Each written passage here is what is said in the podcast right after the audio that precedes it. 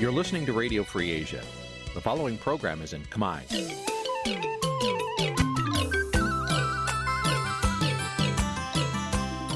Nǐ chi càm bi tiệp xáy vệt chiu a zì sáy. នេះជាកម្មវិធីផ្សាយរបស់ Vithu Azisaray ជាភាសាខ្មែរ វត្តឈូអាស៊ីសេរីសូមស្វាគមន៍លោកអ្នកនាងទាំងអស់ពីរដ្ឋធានី Washington នៃសហរដ្ឋអាមេរិកបាទខ្ញុំបាទយ៉ងច័ន្ទដារា សូមជម្រាបសួរលោកអ្នកនាងអ្នកស្ដាប់វិទ្យុអាស៊ីសេរីទាំងអស់ជាទីមេត្រីខ្ញុំបាទសូមជូនកម្មវិធីផ្សាយសម្រាប់ព្រឹកថ្ងៃអាទិត្យ10កើតខែភទ្របទឆ្នាំថោះបัญចស័កពុទ្ធសករាជ2567ត្រូវនឹងថ្ងៃទី24ខែកញ្ញា គ្រិស្តសករាជ2023បាទជាដំបូងនេះសូមអញ្ជើញអស់លោកអ្នកនាងស្ដាប់ព័ត៌មានប្រចាំថ្ងៃដែលមានមេត្តាដូចតទៅ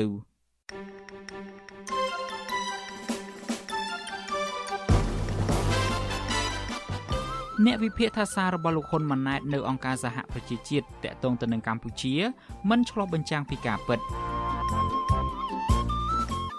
មន្ត្រីគណៈបកភ្លើងទៀនបន្តទទួលរងការធ្វើទុកបុកម្នេញឥតស្រាកស្រានសង្គមស៊ីវិលជំរុញឲ្យអាជ្ញាធររដ្ឋបន្តឹងច្បាប់ចរាចរណ៍ឲ្យត្រឹមត្រូវជៀសវាងប្រើច្បាប់ដើម្បីកេងប្រវ័ញ្ចពលរដ្ឋ សហគមន៍ស្រុកកែវសីមាអះអាងថាក្រុមឈ្មួញកាប់ឈើកម្រក្នុងតំបន់ការពារភ្នំព្រិចដោយសេរីរួមនឹងព័ត៌មានសំខាន់សំខាន់មួយចំនួនទៀត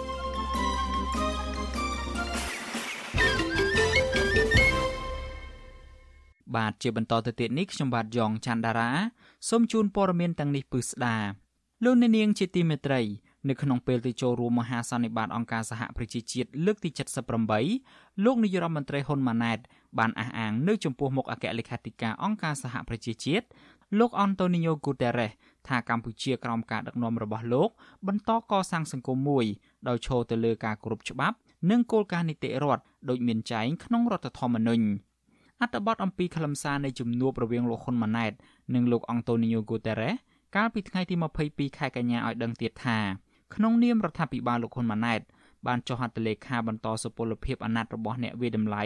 ស្ថានភាពសិទ្ធិមនុស្សឬក៏អ្នករាយការណ៍ពិសេសអង្គការសហប្រជាជាតិស្តីពីសិទ្ធិមនុស្សនៅកម្ពុជា ចំណុចនេះលោកហ៊ុនម៉ាណែតអះអាងថាគឺជាការបង្ហាញពីសុឆន្ទៈរបស់កម្ពុជា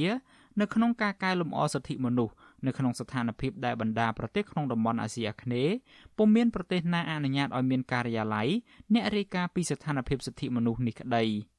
តកតងទៅនឹងការស្ដារស្ថានភាពសិទ្ធិមនុស្សនេះទាំងអង្គការសហប្រជាជាតិនិងបណ្ដាប្រទេសប្រជាធិបតេយ្យធំធំសុទ្ធតែបានជំរុញឲ្យរដ្ឋាភិបាលថ្មីរបស់លោកហ៊ុនម៉ាណែតចាត់វិធានការជាក់លាក់ដោះស្រាយបញ្ហាមិនមែនត្រឹមតែការអាងទេក្នុងនោះរួមមានការបើកលំហសិទ្ធិសេរីភាពពលរដ្ឋធានាសិទ្ធិនយោបាយដោះលែងអ្នកជាប់ឃុំនយោបាយនិងសកម្មជនការពារសិទ្ធិមនុស្សសិទ្ធិដីធ្លីនិងសិទ្ធិការងារជាដើមព្រមទាំងការងាកមកគន្លងប្រជាធិបតេយ្យឡើងវិញ ចំណែកអង្គការសិទ្ធិមនុស្សអន្តរជាតិក៏ធ្លាប់បានរិះគន់ជាញឹកញយថាកម្ពុជាពុំបានអនុវត្តច្បាប់ឲ្យបានត្រឹមត្រូវដោយឈរទៅលើគោលការណ៍សិទ្ធិមនុស្សនិងប្រជាធិបតេយ្យទេតែជាការប្រើប្រាស់ច្បាប់ដែលរំលោភសិទ្ធិបរិបទជាប្រព័ន្ធដើម្បីវាយបង្ក្រាបលើសម្លេងរិះគន់បំបិតសម្លេងប្រឆាំងនិងរក្សាអំណាចតពូជតត្រកូលរបស់លោកហ៊ុនសែនតកតងទៅនឹងការចូលរួមមហាសន្និបាតអង្គការសហប្រជាជាតិលើកទី78លោកនាយរដ្ឋមន្ត្រីហ៊ុនម៉ាណែត បានថ្លែងសារតកតងទៅនឹងស្ថានភាពក្នុងប្រទេសដោយផ្ដោតទៅលើចំណុចសំខាន់ចំនួន4ដែលរួមមានភាពជោគជ័យប្រយុទ្ធនឹងជំងឺ Covid-19 លទ្ធិប្រជាធិបតេយ្យកម្ពុជាមានការរីកចម្រើនទៅមុខជាលំដាប់ការអះអាងមិនឲ្យបរទេសយកទឹកដីកម្ពុជាប្រឆាំងនឹងបរទេសណាមួយនិងការបដិញ្ញាចិត្តអនុវត្តគោលនយោបាយនានាដែលស្របទៅនឹងគោលដៅអភិវឌ្ឍប្រកបដោយចីរភាពរបស់អង្គការសហប្រជាជាតិផងតើការអះអាងទាំងនេះរបស់លោកហ៊ុនម៉ាណែតឆ្លុះបញ្ចាំងការពិតដល់កម្រិតណាដែរ បាទលោកអ្នកនាងនឹងបានស្ដាប់បទសម្ភាសន៍ស្ដីអំពីរឿងនេះនៅពេលបន្តិចទៀតនេះ thank you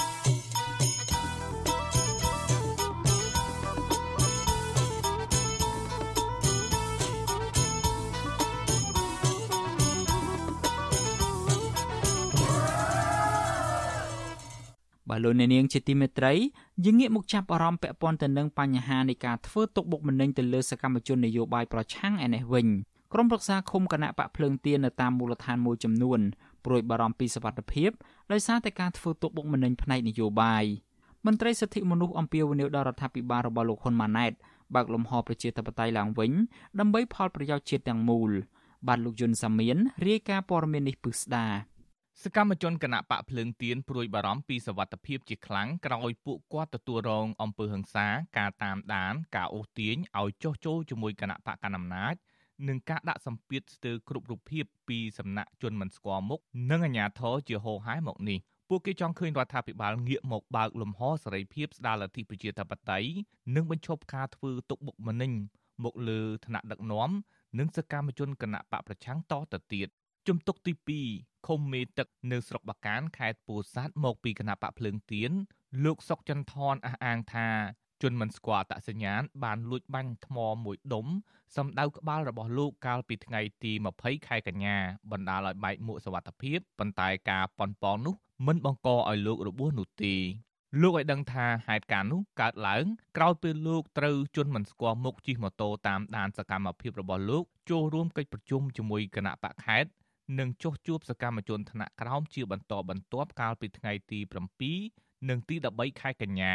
សិនជាផ្អែកទៅលើរឿងគំនុំខ្ញុំហាក់បីដូចជាមិនដែលមានចំនួនទាស់ទែងជាមួយបងប្អូនញាតិជិតខាងសំបីតែនៅក្នុងចង្កោមក្រុមការងារបើសិនជារឿងករណីនេះជារឿងនយោបាយពិតមែនសូមឲ្យឈប់ទៅព្រោះវាអត់មានប្រយោជន៍អីទេបើសិនជាទុកខ្ញុំអាចជួយកិច្ចការងារច្រើនចំពោះសង្គមយ៉ាងហោចណាស់ក៏បាន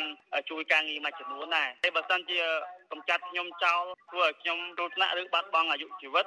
វាមានប្រយោជន៍អីទេព្រោះ ខ្មែរបៀតបៀនខ្មែរធ្វើឲ្យខ្មែររងទុក្ខវាអត់មានអីខ្លឹមសារអីទេជុំវិញរឿងនេះអធិការដ្ឋាននគរបាលស្រុកបាកានអះអាងនៅក្នុងសេចក្តីបំភ្លឺព័ត៌មានថាករណីកើតឡើងចំពោះលោកសុកចន្ទថនមិនជាប់ពាក់ព័ន្ធរឿងនយោបាយទេសមត្ថកិច្ចអះអាងថាបើតាមការស្រាវជ្រាវរបស់សមត្ថកិច្ចរកឃើញថា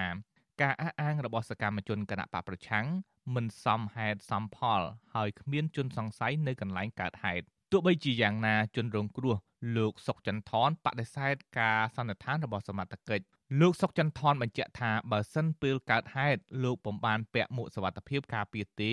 លោកអាចនឹងរងគ្រោះថ្នាក់ធ្ងន់ធ្ងរ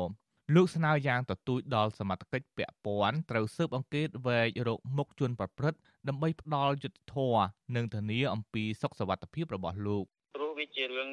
គ្រោះថ្នាក់ទៅដល់អាយុជីវិតហើយខ្ញុំមានលក្ខខណ្ឌអីខ្លះដែលខ្ញុំត្រូវយកបញ្ហាទាំងអស់នេះមកលេងសើចហើយវាជាភាពចៃដន្យឬមិនចៃដន្យយ៉ាងណាទេការបាញ់នេះវាទឹកវាជាប់នឹងមុខខ្ញុំពិតមែនហើយរឿងសមត្ថកិច្ចគាត់បកស្រាយបែបនេះខ្ញុំសុំថាមិនទទួលយកជាដាច់ខាតព្រោះគ្មានលក្ខខណ្ឌណាមួយដែលខ្ញុំ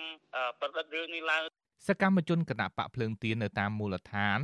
មិនត្រឹមតែរងការបំផិតបំភ័យនឹងអំពើហិង្សានោះទេ តែពួកគេខ្លះត្រូវមន្ត្រីគណៈបកកាន់អំណាចគម្រាមកំហែងឲ្យចោះចូលជាមួយគណៈបកប្រជាជនកម្ពុជាថែមទៀតផងជំទុកទី2ឃុំស្រែក្នុងខេត្តកំពតមកពីគណៈបកភ្លើងទៀន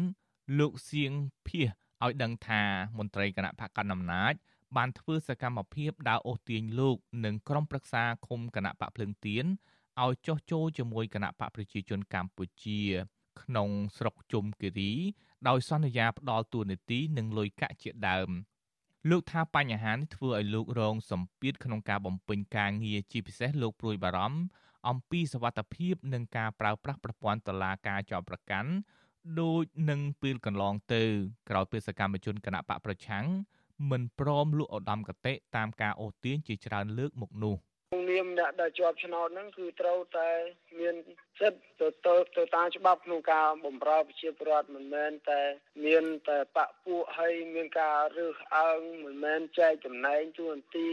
ភារកិច្ចឲ្យតែធ្វើតែក្រុមខ្លួនហើយក្រុមគណៈបកប្រឆាំងមិនឲ្យធ្វើមិនឲ្យអនុវត្តទួនាទីនិងសូមឲ្យមានការបើកធ្លាយឲ្យបានឲ្យកាន់តែប្រសើរដើម្បីឈានទៅរកប្រជាធិបតេយ្យប្រកប វិទ្យុអាស៊ីសេរីមិនទាន់អាចតាក់ទងណែនាំពាក្យក្រសួងមហាផ្ទៃលោកខៀវសុភ័ក្រដើម្បីបកស្រាយរឿងនេះបានទេនៅថ្ងៃទី23ខែកញ្ញាពាក់ព័ន្ធទៅនឹងរឿងនេះដែរណែនាំពាក្យគណៈបកភ្លើងទៀនលោកកឹមសុភិរិទ្ធថ្លែងថារូបភាពនៃអំពើហិង្សានិងការអូសទាញបានគំរាមកំហែងមកលើផ្លូវចិត្តនិងផ្លូវកាយរបស់សកម្មជនភ្លើងទៀនគឺជារឿងគួរឲ្យព្រួយបារម្ភ លោកអំពីវនីវដល់អាជ្ញាធរត្រូវចាត់វិធានការបញ្ឈប់សកម្មភាពនេះឲ្យបានម៉ឺងម៉ាត់ដើម្បីការពារសវត្ថិភាពរបស់សកម្មជនគណៈបកភ្លើងទៀននិងដើម្បីឲ្យពួកគេអាចអនុវត្តតួនាទីនៅតាមមូលដ្ឋានតាមច្បាប់ទន្ទឹមនឹងក៏គណៈបកភ្លើងទៀនមានគោលជំហរនិងចេញសេចក្តីថ្លែងការណ៍មួយអំពាវនាវទៅឲ្យរដ្ឋាភិបាលក៏ដូចជាអាជ្ញាធរគ្រប់ស្រទាប់ជាន់ថ្នាក់មេត្តាបញ្ឈប់ ជាបន្ទាន់នៅជនទាំងឡាយណាដែលប្រើប្រាស់វិធីបែបនេះហើយក៏ជំនឿឲ្យជួយរក្សានៅសវត្ថិភាពទាំងផ្លូវកាយផ្លូវចិត្តដល់សមាជិកគណៈបកភ្លើងទៀនដែលបានជាប់ឆ្នោតជាក្រុមប្រឹក្សាគុំសង្កាត់ទូទាំងប្រទេសនេះផងដែរជុំវិញរឿងនេះអ្នកនាំពាក្យសមាគមការពារសិទ្ធិមនុស្សអាត6លោកសឹងសែនករណាមានប្រសាសន៍ថាទោះបីសិទ្ធិនយោបាយធានាដោយរដ្ឋធម្មនុញ្ញយ៉ាងណាក្តីប៉ុន្តែមកទល់ពេលនេះសកម្មជនគណៈបកប្រឆាំង នៅតែរងការចាប់ខ្លួនអំពើហិង្សាការបំផិតបំភ័យដែលបញ្ហានេះធ្វើឲ្យមានការរិះគន់ពីសហគមន៍ជាតិនិងអន្តរជាតិថាជាការធ្វើទុកបុកម្នេញផ្នែកនយោបាយនយោបាយគឺជាសិទ្ធិមនុស្សដ៏សំខាន់នៅក្នុងសង្គមប្រជាធិបតេយ្យហើយបើសិទ្ធិនយោបាយសកម្មជននយោបាយមិនអាចអនុវត្តសិទ្ធិសេរីភាពរបស់ខ្លួនបានទេតើតើយើងអាចហៅប្រទេសកម្ពុជាជាប្រទេស ដែលមានលទ្ធិប្រជាធិបតេយ្យត្រឹមត្រូវបានឬនៅណានេះគឺជាបញ្ហាដែលគេតែងឆោតសួរហើយរួមទាំងសហគមន៍អន្តរជាតិគេបានលើកជារឿយរឿយគេសុំឲ្យមានការបើកនៅសិទ្ធិសេរីភាពពាក់ព័ន្ធទៅនឹងសកម្មភាពរបស់កម្មជននយោបាយឬក៏អ្នកនយោបាយនេះឯងអញ្ចឹងហើយបានគេតែងថាសករណីការរំលោភសិទ្ធិមនុស្សនេះมันមានស្ថានភាពធូរស្រាលទេបើយើងពិនិត្យមើលទៅទោះបីថាមានរដ្ឋាភិបាលថ្មីហើយទោះ បីគណៈបកប្រជាជនកម្ពុជាបានរៀបចំការបោះឆ្នោតដោយគ្មានវត្តមានគណៈបកប្រឆាំងនិងរៀបចំរដ្ឋាភិបាលថ្មីក្នុងការផ្ទេរអំណាចពីកូនចៅចំនួនក្រោយដោយពុំមានឧបសគ្គក្តីប៉ុន្តែគណៈបកកណ្ដាលអំណាចប្រើល្បិចស្ទើរគ្រប់យ៉ាងដូចជាការលួងលោមការទិញទឹកចិត្តការគំរាមកំហែងការចាប់ខ្លួននិងចោទប្រកាន់តាមផ្លូវតុលាការជាដើមបញ្ហានេះធ្វើឲ្យសាធារណជនរិះគន់ថារដ្ឋាភិបាលដែលដឹកនាំដោយលោកហ៊ុនម៉ាណែត ក៏មិនខុសពីឪពុករបស់លោក គឺលោកហ៊ុនសែនដែរពលគឺយកប្រព័ន្ធតឡាការធ្វើជាអាវុធចាប់ខ្លួនសកម្មជនគណៈបកប្រឆាំងដាក់ពន្ធនាគារដើម្បីគំរាមកំហែងឲ្យសកម្មជនគណៈបកប្រឆាំងផ្សេងទៀតចុះចូលជាមួយគណៈបកប្រជាជនកម្ពុជាខ្ញុំយុនសាមៀនវិទ្យុអាស៊ីសេរីប្រធានាធិបតី Washington អាស៊ីសេរីបាទលោកអ្នកនាងជាទីមេត្រីខ្ញុំបាទសូមជម្រាបជូនលោកអ្នកនាងកញ្ញាទាំងអស់ឲ្យបានជ្រាបថា វិទ្យុអាស៊ីសេរីនៅពេលនេះមានការផ្សាយនៅតាមវិទ្យុរលកថេដាកាខ្លីឬមួយក៏ shortwave តាមកម្រិតនិងកម្ពស់ថ្មីមួយគឺតាមកម្រិតនិងកម្ពស់ដូចតទៅនេះបាទពេលព្រឹកគឺចាប់ពីម៉ោង5កន្លះដល់ម៉ោង6កន្លះតាមរយៈប៉ុស SW 12.14 MHz ស្មើនឹងកម្ពស់ 25m និងប៉ុស SW 13.71 MHz ស្មើនឹងកម្ពស់ 22m ពេលយប់ចាប់ពីម៉ោង7កន្លះដល់ម៉ោង8កន្លះតាមរយៈប៉ុស SW 9.33 MHz ស្មើនឹងកម្ពស់ 32m ប៉ុស SW 11.88 MHz ស្មើនឹងកម្ពស់ 25m និងប៉ុស SW 12.15 MHz ស្មើនឹងកម្ពស់ 25m បាទសូមអរគុណ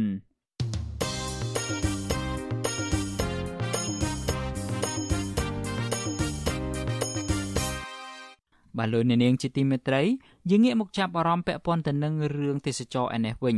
ក្រមយុវជនលើកឡើងថាក្រសួងទេសចរគួរតែបើកលំហសិទ្ធិសេរីភាពឲ្យពលរដ្ឋចូលរួមផ្សព្វផ្សាយពីតំបន់អេកូទេសចរនៅក្នុងស្រុកជាមុនសិនជាជាងស្នើសុំជំនួយពីបណ្ដាប្រទេសជិតខាង ដែលមិនមែនជាដំណោះស្រាយល្អក្នុងការតាក់ទាញភ្ញៀវទេសចរឡើយបាទការលើកឡើងបែបនេះគឺបន្ទាប់ពីរដ្ឋមន្ត្រីក្រសួងទេសចរ បានជួបជាមួយនឹងឯកអគ្គរដ្ឋទូតឥណ្ឌាប្រចាំកម្ពុជា ដើម្បីស្នើសុំឲ្យរដ្ឋាភិបាលឥណ្ឌាជួយគាំទ្រសម្រាប់គម្រោងអភិវឌ្ឍលើវិស័យទេសចរយុវជននិងមន្ត្រីអង្គការសង្គមស៊ីវិលគាំទ្រឲ្យរដ្ឋាភិបាលកម្ពុជា បង្កើនកិច្ចសហប្រតិបត្តិការលើវិស័យទេសចរជាមួយនឹងបរទេសក៏ប៉ុន្តែការបង្កើនឲ្យមានភ្ញៀវទេសចរទៅបាន គឺទាល់តែរដ្ឋាភិបាលកម្ពុជាលុបបំបាត់អំពើពុករលួយ និងពង្រឹងប្រព័ន្ធសវត្ថិភាពសន្តិសុខឲ្យបានខ្ពស់ សកម្មជនចលនាមេដាធម្មជាតិលោកលីច័ន្ទដារាវុធប្រាប់វិទ្យុអាស៊ីសេរីនៅថ្ងៃទី23កញ្ញាថាស្ថាប័នពាក់ព័ន្ធជាពិសេសក្រសួងទេសចរនៅតែមិនទាន់ខិតខំប្រឹងប្រែងឲ្យអស់ពីសមត្ថភាពដើម្បីផ្សព្វផ្សាយពីតំបន់ធម្មជាតិនៅឡើយទេពីព្រោះនៅក្នុងគេហទំព័ររបស់ក្រសួងពុំសូវឃើញមានការផ្សព្វផ្សាយពីតំបន់ធម្មជាតិនៅឡើយទេ ខ្ញុំយល់ឃើញថាទោះបីជាយើងខំព្យាយាមយ៉ាងណាក៏ដោយទៅជួបភាគីពាក់ព័ន្ធយ៉ាងណាក៏ដោយបើសិនជាយើងមិនរៀបចំឲ្យក្នុងប្រទេសយើងមានសន្តិសុខហើយមានទេសចរនឹងដែលមានសន្តិភាពធ្នាប់កាប់ថយអំពើពុករលួយនៅតាមព្រំដែននៅពេលដែលគេឆ្លងចូលមកនឹងទេយើងនឹងមិនទទួលបានភ្ញៀវទេសចរទេព្រោះភ្ញៀវទេសចរមកលេងនៅក្នុងប្រទេសកម្ពុជាគឺយកលុយមកចាយនៅប្រទេសកម្ពុជាទាំងនៅពេលដែលគេចូលមកប្រទេសកម្ពុជាគេនឹងការចាប់ចម្រើការឆក់ការប្លន់ហើយជាដើមហ្នឹងគឺមានពីណាចង់ចូលមកលេងទេ ស្រដៀងគ្នានេះយុវជនសកម្មការងារសង្គមលោកនីច័ន្ទដាថ្លែងថាលោកហាក់គ្មានជំនឿទៅលើកិច្ចសហប្រតិបត្តិការនោះទេពីព្រោះកន្លងទៅរដ្ឋមន្ត្រីក្រសួងទេសចរនិងរដ្ឋមន្ត្រីបរិស្ថានក្តីមិនលើកកម្ពស់ធនធានដែលមានស្រាប់នោះឡើយលោកបន្តថាបើចង់អភិវឌ្ឍកន្លែងណាមួយជាតំបន់អេកូទេសចរស្ថាប័នពាក់ព័ន្ធត្រូវទប់ស្កាត់ការកាប់បំផ្លាញធនធានធម្មជាតិនិងលើកកម្ពស់យុវជន ឲ្យចូលរួមការពារធនធានធម្មជាតិដើម្បីធានាដល់ការអភិវឌ្ឍតំបន់ទេសចរធម្មជាតិប្រតិកម្មរបស់ក្រមយុវជននេះគឺបន្ទាប់ពីរដ្ឋមន្ត្រីក្រសួងទេសចរថ្មីគឺលោកសុកសុកេនបានជួបពិភាក្សាជាមួយឯកអគ្គរដ្ឋទូតសាធារណរដ្ឋឥណ្ឌាប្រចាំកម្ពុជា អ្នកស្រី Devini Kopragat កាលពីថ្ងៃទី22កញ្ញាលើគម្រោងអភិវឌ្ឍទេសចរ3ចំណុចគឺទី1ការអភិវឌ្ឍកម្មវិធីលើវិស័យទេសចរផ្សព្វផ្សាយពីតំបន់អេកូទេសចរទី2 លើកកម្ពស់សកម្មភាពអេកូទេសចរនៅក្នុងសហគមន៍ផាត់សណ្ដាយនៅខេត្តកំពង់ធំ និងលើកកម្ពស់សកម្មភាពអេកូទេសចរបឹងស្នែនៅក្នុងសហគមន៍ខេត្តព្រៃវែងលើសពីនេះរដ្ឋាភិបាលកម្ពុជាក៏បានជំរុញឲ្យរដ្ឋាភិបាលឥណ្ឌាវិនិយោគលើវិស័យឧស្សាហកម្មទេសចរនិងបានចុះកិច្ចព្រមព្រៀងបង្កើនជើងហោះហើររវាងទីក្រុងភ្នំពេញនិងទីក្រុងញូដេលីរបស់ឥណ្ឌាផងដែរជុំវិញរឿងនេះ ប្រធានមជ្ឈមណ្ឌលប្រជាពលរដ្ឋដើម្បីអភិវឌ្ឍនិងសន្តិភាពលោកយងកំឯងមានប្រសាសន៍ថាជំនួបទ្វេភាគីនេះมันអាចជួយស្ដារមុខមាត់កម្ពុជាឲ្យមានភាពប្រសើរឡើងដើម្បីទាក់ទាញភ្ញៀវទេសចរនិងអ្នកវិនិយោគធំៗបាននៅឡើយនោះទេ ខ្ញុំក៏តែសង្ឃឹមថារដ្ឋាភិបាលលោកនឹងពិចារណាជុំវិញបញ្ហានេះហើយនៅក្នុងការធ្វើម៉េចឲ្យវិស័យទេសចររបស់យើងនឹងក្លាយទៅជាស្នូលហើយសំខាន់ដែលប្រជាពលរដ្ឋអាចទទួលបានផលប្រយោជន៍ហើយមានការរីកចម្រើនទាំងខាងទាំងសេដ្ឋកិច្ចរដ្ឋទាំងគ្រួសារព្រោះវិស័យទេសចរសំខាន់ហើយក៏ការពង្រឹងតម្លាភាពហើយនឹងកាត់បន្ថយពើពុតលួយនៅក្នុងស្ថាប័នរដ្ឋក៏ដូចស្ថាប័នសាធារណៈផ្សេងៗទៀតបាទនឹងគឺជារឿងមួយសំខាន់ តែកតិនទៅនឹងបញ្ហានេះរដ្ឋមន្ត្រីក្រសួងទេសចរលោកសុកសូកេនបដិសេធមិនបកស្រាយតាមប្រព័ន្ធទូរស័ព្ទនោះទេកន្លងទៅប្រជាពលរដ្ឋដែលរស់នៅពឹងផ្អែកលើវិស័យទេសចរបាននាំគ្នាត្អូញត្អែពីការបាត់បង់ប្រាក់ចំណូលនិងជំពាក់បំណុលធនាគារវ៉ាន់កពួកគាត់យល់ថាបញ្ហានេះគឺដោយសារតែកម្ពុជាមិនគោរពសិទ្ធិមនុស្សអំពើពុករលួយជាប្រព័ន្ធការជួញដូរមនុស្សនិងអំពើឆបោកតាមប្រព័ន្ធអនឡាញដែលធ្វើឲ្យភ្ញៀវទេសចរមួយចំនួន បាត់បង់ទំនុកចិត្តនិងខ្លាចរអាមិនហ៊ានមកកំសាន្តនៅកម្ពុជា របាយការណ៍របស់ក្រសួងទេសចរបង្ហាញថាឆមាសទី1ឆ្នាំ2023នេះកម្ពុជាទទួលបានភ្ញៀវទេសចរអន្តរជាតិប្រមាណ2លាន5សែននាក់ក្រមយុវជននិងមន្ត្រីអង្គការសង្គមស៊ីវិលយល់ឃើញថារដ្ឋាភិបាលគួរតែងាកមកគោរពសិទ្ធិមនុស្សនិងពង្រឹងការអនុវត្តច្បាប់ឲ្យមានតម្លាភាពដើម្បីស្រូបទាញភ្ញៀវទេសចរឡើងវិញ។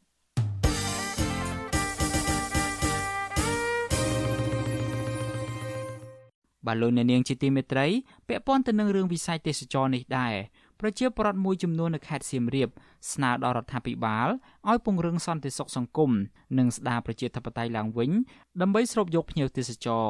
បាទសំណើនេះធ្វើឡើងដោយសារតែបញ្ហាអសន្តិសុខសង្គម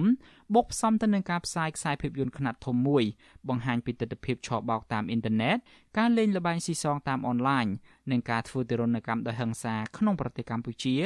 បណ្ដាលឲ្យអ្នកទេសចរខ្លះបារម្ភពីការធ្វើដំណើរមកកម្ពុជា បាទសូមលោកនៅនាងស្ដាប់សេចក្តីរាយការណ៍ព័ត៌មាននេះរបស់លោកមានរិទ្ធដូចតទៅការថយចុះភ្ញៀវទេសចរទៅទស្សនាតំបន់ឧទ្យានអង្គរខេត្តសៀមរាបកាន់តែយ៉ាប់យ៉ឺនក្នុងរយៈពេល4ខែចុងក្រោយនេះនឹងបានជះឥទ្ធិពលមិនល្អដល់ប្រព័ន្ធសេដ្ឋកិច្ចកម្ពុជា ជាពិសេសពលរដ្ឋដែលប្រកបរបរពឹងផ្អែកលើសេវាកម្មភ្ញៀវទេសចរ រីឯកន្លែងផ្ដល់សេវាកម្មទេសចរវិញក្រុមហ៊ុនទេសចរនិងអ្នកលក់ដូរតូចតាចនៅក្នុងខេត្តសៀមរាបកំពុងជួបការលំបាកខ្លាំងដោយសារខ្សត់ភ្ញៀវនិងបានបង្ខំចិត្តបិទទ្វារជាបណ្ដាបណ្ដាបុរដ្ឋចាត់ទុកសន្តិសុខសង្គមនិងសวัสดิភាពភ្ញៀវទេសចរជាចំណុចស្នូលមួយក្នុងការលើកកម្ពស់និងការផ្សព្វផ្សាយវិស័យទេសចរទៅកាន់ពិភពលោក ប្រតិកម្មរបស់ពលរដ្ឋបែបនេះកើតមានឡើង ស្របពេលដែលមានការចាក់បញ្ចាំងភាពយន្តខ្នាតធំមួយ មានចំណងជើងថាឧក្រិដ្ឋកម្មតាមប្រព័ន្ធអ៊ីនធឺណិតដោយសម្ដែងពីការធ្វើទរណកម្មទៅលើតារាស្រីម្នាក់និងបារម្ភម្នាក់ដែលពួកគាត់ជាជនជាតិចិន ហើយបានចាញ់បោកក្រុមឧក្រិដ្ឋជនពួកគាត់បានធ្លាក់ខ្លួនធ្វើការងារនៅក្នុងប្រទេសមួយភាពយន្តនេះមិនបានបង្ហាញទីតាំងថតនោះទេ ក៏ប៉ុន្តែឈុតមួយភាគធំនៃរឿងនេះតួអង្គទាំងអស់ពាក់អាវយឺតសរសេរអក្សរខ្មែរភាពយន្តនេះត្រូវបានចាក់បញ្ចាំងកាលពីថ្ងៃទី8ខែកញ្ញា នៅក្នុងរោងកុនមួយនៅប្រទេសអង់គ្លេសជុំវិញរឿងនេះ ពលរដ្ឋរស់នៅខេត្តសៀមរាបលោកសំវុធីបារម្ភថាពេលភ្ញៀវទេសចរទទួលបានព័ត៌មានពីភាពមិនប្រក្រតីនានាទាក់ទងទៅនឹងអសន្តិសុខសង្គមពួកគេនឹងខ្លាចរអាមិនហ៊ានមកកំសាន្តនៅកម្ពុជាឡើយហើយប្រយោជន៍ពីវិស័យទេសចរអាចនឹងបង្វែរទៅឲ្យប្រទេសជិតខាងសម័យបច្ចុប្បន្ននេះគឺឃើញគ្រឿងញៀនក៏មានច្រើនហើយក្មេងទំនើងក៏មានច្រើន ដែលលេងយប់មានមានច្រើនទៅពេលអញ្ចឹងទៅភ្ញៀវទេសចរយើងគាត់គាត់ខ្លាចពីសុវត្ថិភាពរបស់គាត់ស្នើសុំដល់រដ្ឋាភិបាលជាពិសេសនាយករដ្ឋមន្ត្រីថ្មីឲ្យគាត់មើលពីបញ្ហាសុវត្ថិភាពសង្គមរបស់យើងរដ្ឋាភិបាលកម្ពុជាបានស្ថាបនាពលានយន្តហោះអន្តរជាតិខ្នាតធំចំនួន2ស្ថិតនៅក្នុងខេត្តសៀមរាបនិងក្រុងភ្នំពេញដែលនឹងត្រៀមដាក់ឲ្យដំណើរការនាពេលឆាប់ៗខាងមុខនេះការសាងសង់ពលានយន្តហោះអន្តរជាតិទាំងនេះ គឺដោយសារតែកំណើនភ្ញៀវទេសចរចិន មកកម្ពុជាកាន់តែច្រើនឡើងច្រើនឡើង ចាប់តាំងពីឆ្នាំ2019មករបាយការណ៍របស់ក្រសួងទេសចរបង្ហាញថាភ្ញៀវទេសចរអន្តរជាតិដែលមកទស្សនាកម្ពុជា រយៈពេល7ខែឆ្នាំ2023នេះមានចំនួនជាង3លាននាក់ក្នុងនោះមានភ្ញៀវទេសចរចិនប្រមាណជាង31ម៉ឺននាក់ បើប្រៀបធៀបទៅនឹងរយៈពេលដូចគ្នាកាលពីឆ្នាំ2022កន្លងទៅ ចំនួននេះកើនឡើងជាង300%ភ្ញៀវទេសចរចិនឈរនៅលំដាប់លេខរៀងទី3បន្ទាប់ពីថៃនិងវៀតណាមអ្នកផ្ដល់សេវាកម្មទេសចរម្នាក់ថ្លែងសុំមិនបញ្ចេញឈ្មោះផ្ដល់មតិថារដ្ឋាភិបាល គួរតែរកឫសគល់នៃបញ្ហាចម្បងដោះស្រាយឲ្យចំទិសដៅបុរដ្ឋរូបនេះបន្តថាប្រសិនបើអសន្តិសុខសង្គមនៅតែបន្តកើតមានឡើងច្រើនការនេះគឺជាកំសោយរបស់រដ្ឋាភិបាលនៅក្នុងការគ្រប់គ្រងរដ្ឋបាលឃុំសង្កាត់និងការអនុវត្តច្បាប់ទុនជ្រាយដែលត្រូវតែកែតម្រង់ជាបន្ទាន់ពេលដែលយើងនិយាយពីការផ្សព្វផ្សាយវិស័យទេសចរគឺយើងនិយាយអំពីសវត្ថិភាពនិយាយអំពីភាពងាយស្រួលនៅក្នុងការធ្វើដំណើរក្នុងការកំសាន្តនៅស្រុកខ្មែរនឹងហើយมันមានភាពភ័យខ្លាចมันមានអំពើហិង្សាអំពើអីណាមួយដែលកើតឡើងចេញអំពី ីអីគេអាចកើតឡើងចេញអំពីការលេងលបែងស៊ីសងការប្រើប្រាស់គ្រឿងញៀនអីអីចឹងបាទវិសុវអាស៊ីស្រីមិនអាចតាក់ទងរដ្ឋមន្ត្រីក្រសួងមហាផ្ទៃលោកសសុខាបាននៅឡើយទេកាលពីថ្ងៃទី16ខែកញ្ញាចំណែកឯអ្នកនាំពាក្យក្រសួងទេសចរលោកតបសុភ័ក្រវិញលោកបដិសេធមិនអត្ថាធិប្បាយចំពោះការផ្សាយភាពយន្តចិននេះទេ តែយ៉ាងណាលោកបញ្ជាក់ថាចំណុចអវិជ្ជមានដែលកើតមានឡើងប៉ះពាល់ដល់វិស័យទេសចរកម្ពុជាហើយលោកថាក្រសួងទេសចរនឹងខិតខំស្ដារឡើងវិញហើយកែប្រែចំណុចអវិជ្ជមានឲ្យคล้ายជាចំណុចតាក់ទាញមានន័យថាយើងលុបបំបាត់ចំណុចអវិជ្ជមាននឹងឲ្យបានហើយយើងប្រែคล้ายឲ្យទៅជាចំណុចតាក់ទាញឲ្យសមស្របទៅតាមកតនាមដ៏ល្អរបស់កម្ពុជារបស់ ជុំវិញរឿងនេះប្រធានមជ្ឈមណ្ឌលបុរដ្ឋដើម្បីអភិវឌ្ឍនិងសន្តិភាពលោកយងកំឯងយល់ថាដើម្បីដោះស្រាយបញ្ហានេះរដ្ឋាភិបាលគួរតែរងមធ្យោបាយឲ្យភ្ញៀវទេសចរជឿជាក់និងមានសុវត្ថិភាព នៅពេលដែលពួកគេធ្វើដំណើរមកកម្ពុជាការឆោបបោកតាមអនឡាញនឹងក៏តាមក៏មានការព្រួយបារម្ភធំដែរបាទត្រូវតែធានាដែលត្រូវតែចាត់វិធានការឲ្យបានរឿងអស់នឹងបាទ កាលពីឆ្នាំ2022សមាជិកកម្ពុជាបង្ក្រាបបានអំពើជួញដូរមនុស្សនិងអាជីវកម្មផ្លូវភេទសរុបជិត200ករណីឃាត់ខ្លួនជនសង្ស័យបានជាង200នាក់នៅក្នុងនោះមានជនបរទេសចំនួន32នាក់ត្រូវបានបញ្ជូនទៅតុលាការនិងបានរំដោះជនរងគ្រោះបានជាង500នាក់រីឯអង្គការសហជីវជាតិវិញកាលពីពេលថ្មីៗនេះបានរកឃើញថា មានមនុស្សប្រមាណ1សែននាក់ត្រូវបានបង្ខំឲ្យធ្វើការងារឆបោកតាមប្រព័ន្ធអ៊ីនធឺណិតនៅកម្ពុជារបាយការណ៍របស់ក្រសួងទេសចរឲ្យដឹងថាកាលពីឆ្នាំ2018កម្ពុជាទទួលបានភ្ញៀវទេសចរអន្តរជាតិជាង6លាននាក់ដែលក្នុងនោះមាន2លាននាក់មកពីប្រទេសចិន ហើយទទួលបានប្រាក់ចំណូលសរុបជាង4000លានដុល្លារអាមេរិកឬជិត13%នៃផលទុនសរុប GDP របស់កម្ពុជាខ្ញុំបានមេរិត Visual C ស្រីពីរដ្ឋធានី Washington លោកអ្នកនាងជាទីមេត្រីវិទ្យុអាស៊ីសេរីនឹងចេញផ្សាយ podcast កម្ពុជាសប្តាហ៍នេះ នៅរៀងរាល់ព្រឹកថ្ងៃសៅរ៍ម៉ោងនៅកម្ពុជា នៃសប្តាហ៍នីមួយៗបាទកម្មវិធី podcast នេះរៀបចំដោយនាយកនិងនាយករងនៃកម្មវិធីផ្សាយ Vithu Azizi Serai ជាភាសាខ្មែរគឺលោកសំពូលីនិងលោកជុនច័ន្ទបុតសូមប្រិយមិត្តស្វែងរក និងស្ដាប់ podcast របស់យើង នៅលើកម្មវិធី podcast របស់ Apple, Google និង Spotify ដោយគ្រាន់តែសរសេរពាក្យថាកម្ពុជាសប្តាហ៍នេះឬ Cambodia This Week នៅក្នុងប្រអប់ស្វែងរកយើងក៏នឹងចាក់ផ្សាយកម្មវិធី podcast នេះឡើងវិញនៅក្នុងកម្មវិធីផ្សាយផ្ទាល់របស់យើង តាមបណ្ដាញសង្គម Facebook YouTube និង Telegram នៅរៀងរាល់យប់ថ្ងៃច័ន្ទម៉ោងនៅកម្ពុជា បាទសូមអរគុណ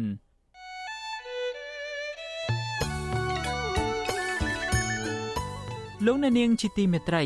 វិទ្យុអាស៊ីសេរីចាប់ផ្ដើមដំណើរការផ្សាយផ្ទាល់កម្មវិធីព័ត៌មានទាំងពេលព្រឹកនិងពេលយប់ជាផ្លូវការ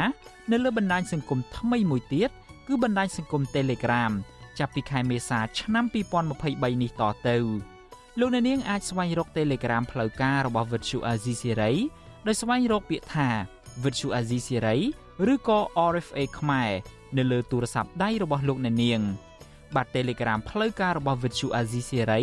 មានសញ្ញា Tick ជាសញ្ញាសម្គាល់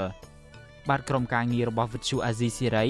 នឹងព្យាយាមរិះរកមធ្យោបាយថ្មីៗបន្ថែមទៀតដើម្បីផ្ដល់ភាពងាយស្រួលដល់លោកអ្នកនាងកញ្ញានៅក្នុងការស្ដាប់ និងទស្សនាការផ្សាយព័ត៌មានរបស់យើង។បាទសូមអរគុណ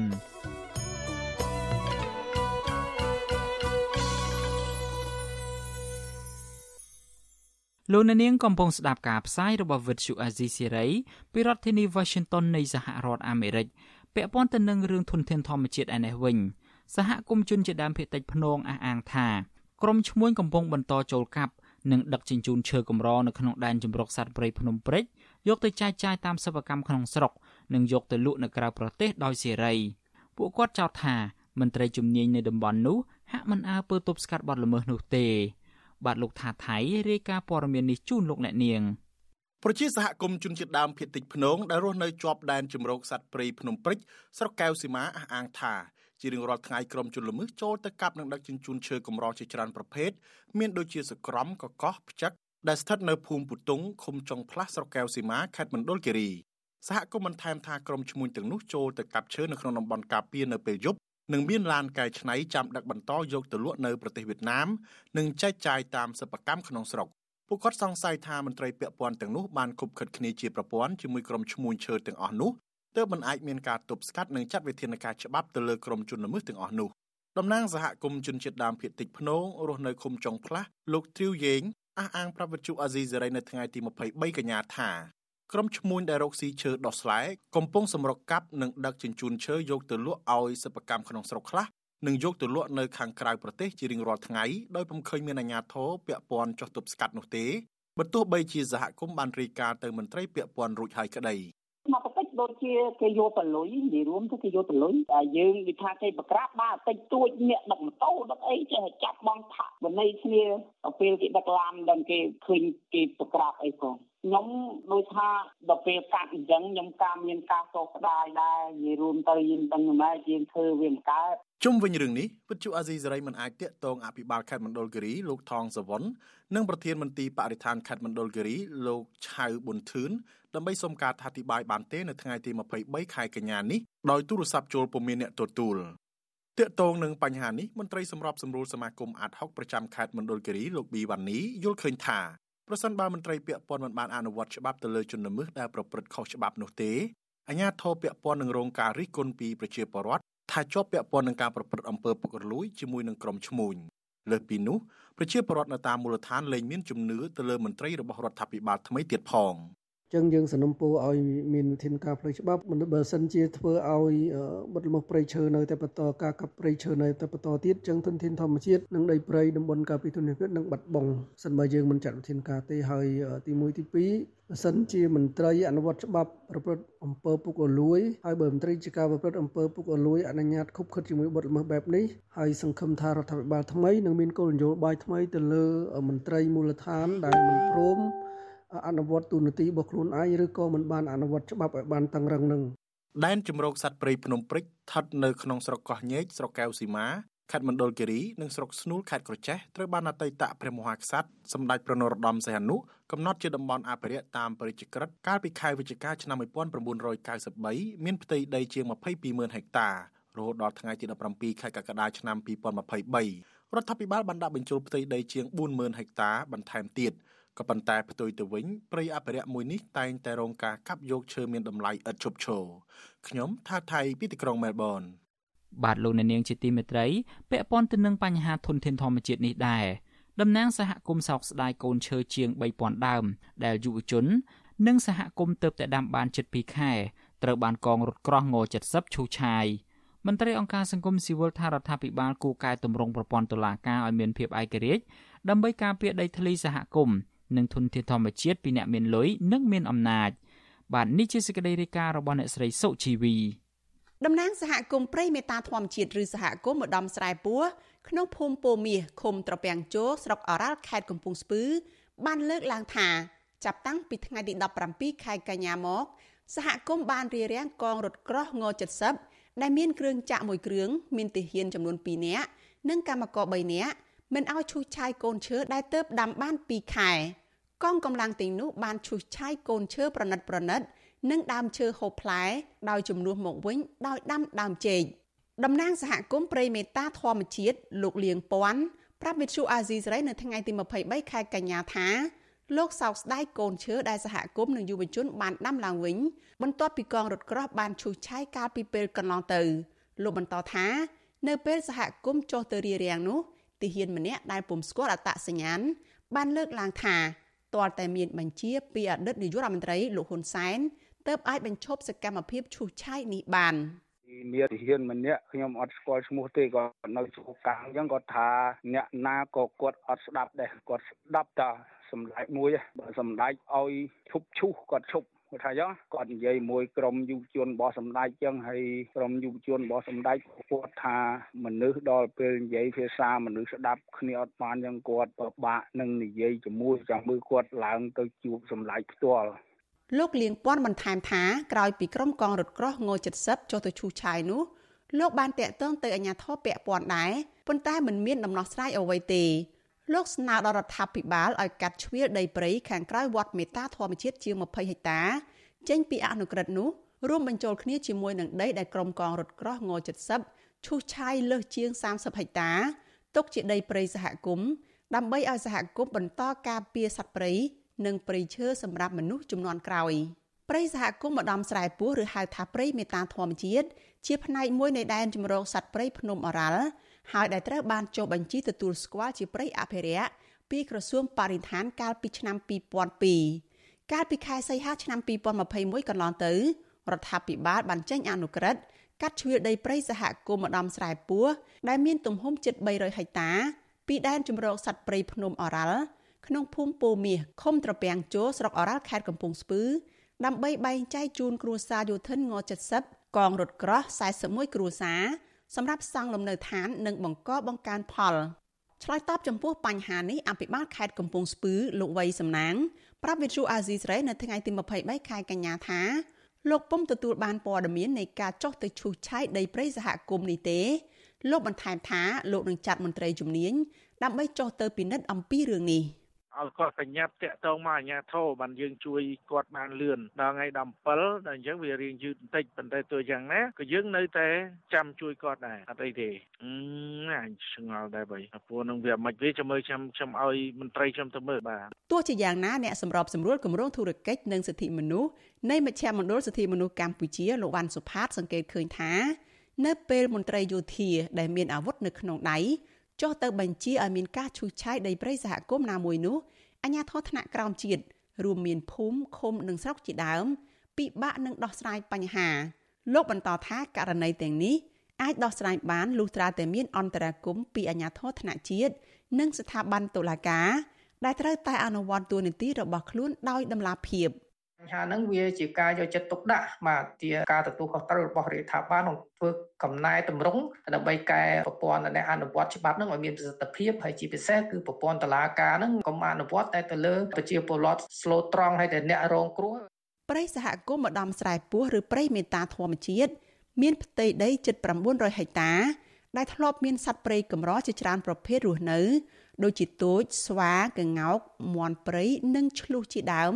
ត្រូវបានក្រុមអ្នកមានអំណាចមន្ត្រីយោធាពលរដ្ឋនិងឈ្មួញខិលខូចមួយចំនួនឈូសឆាយទន្ទ្រានដីព្រៃសហគមន៍ដែលធ្វើឲ្យបាត់បង់ព្រៃនិងសត្វព្រៃស្ទើរតែទាំងស្រុងនាងខ្ញុំសុជីវីវិទ្យុអាស៊ីសេរីពីរដ្ឋធានី Washington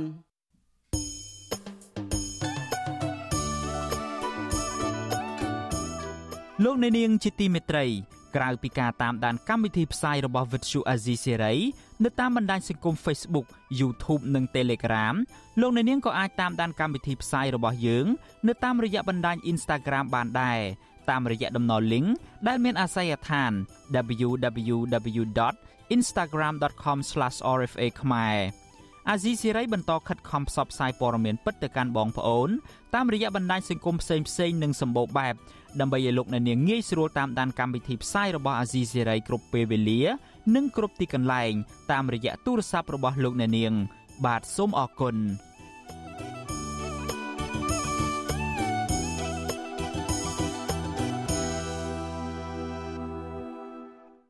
បាទលោកអ្នកនាងជាទីមេត្រីពាក់ព័ន្ធទៅនឹងរឿងច្បាប់ចរាចរណ៍ឯនេះវិញអង្គការសង្គមស៊ីវិលនិងអ្នកជំនាញផ្នែកចរាចរណ៍ចង់ឃើញអាជ្ញាធររដ្ឋបន្តឹង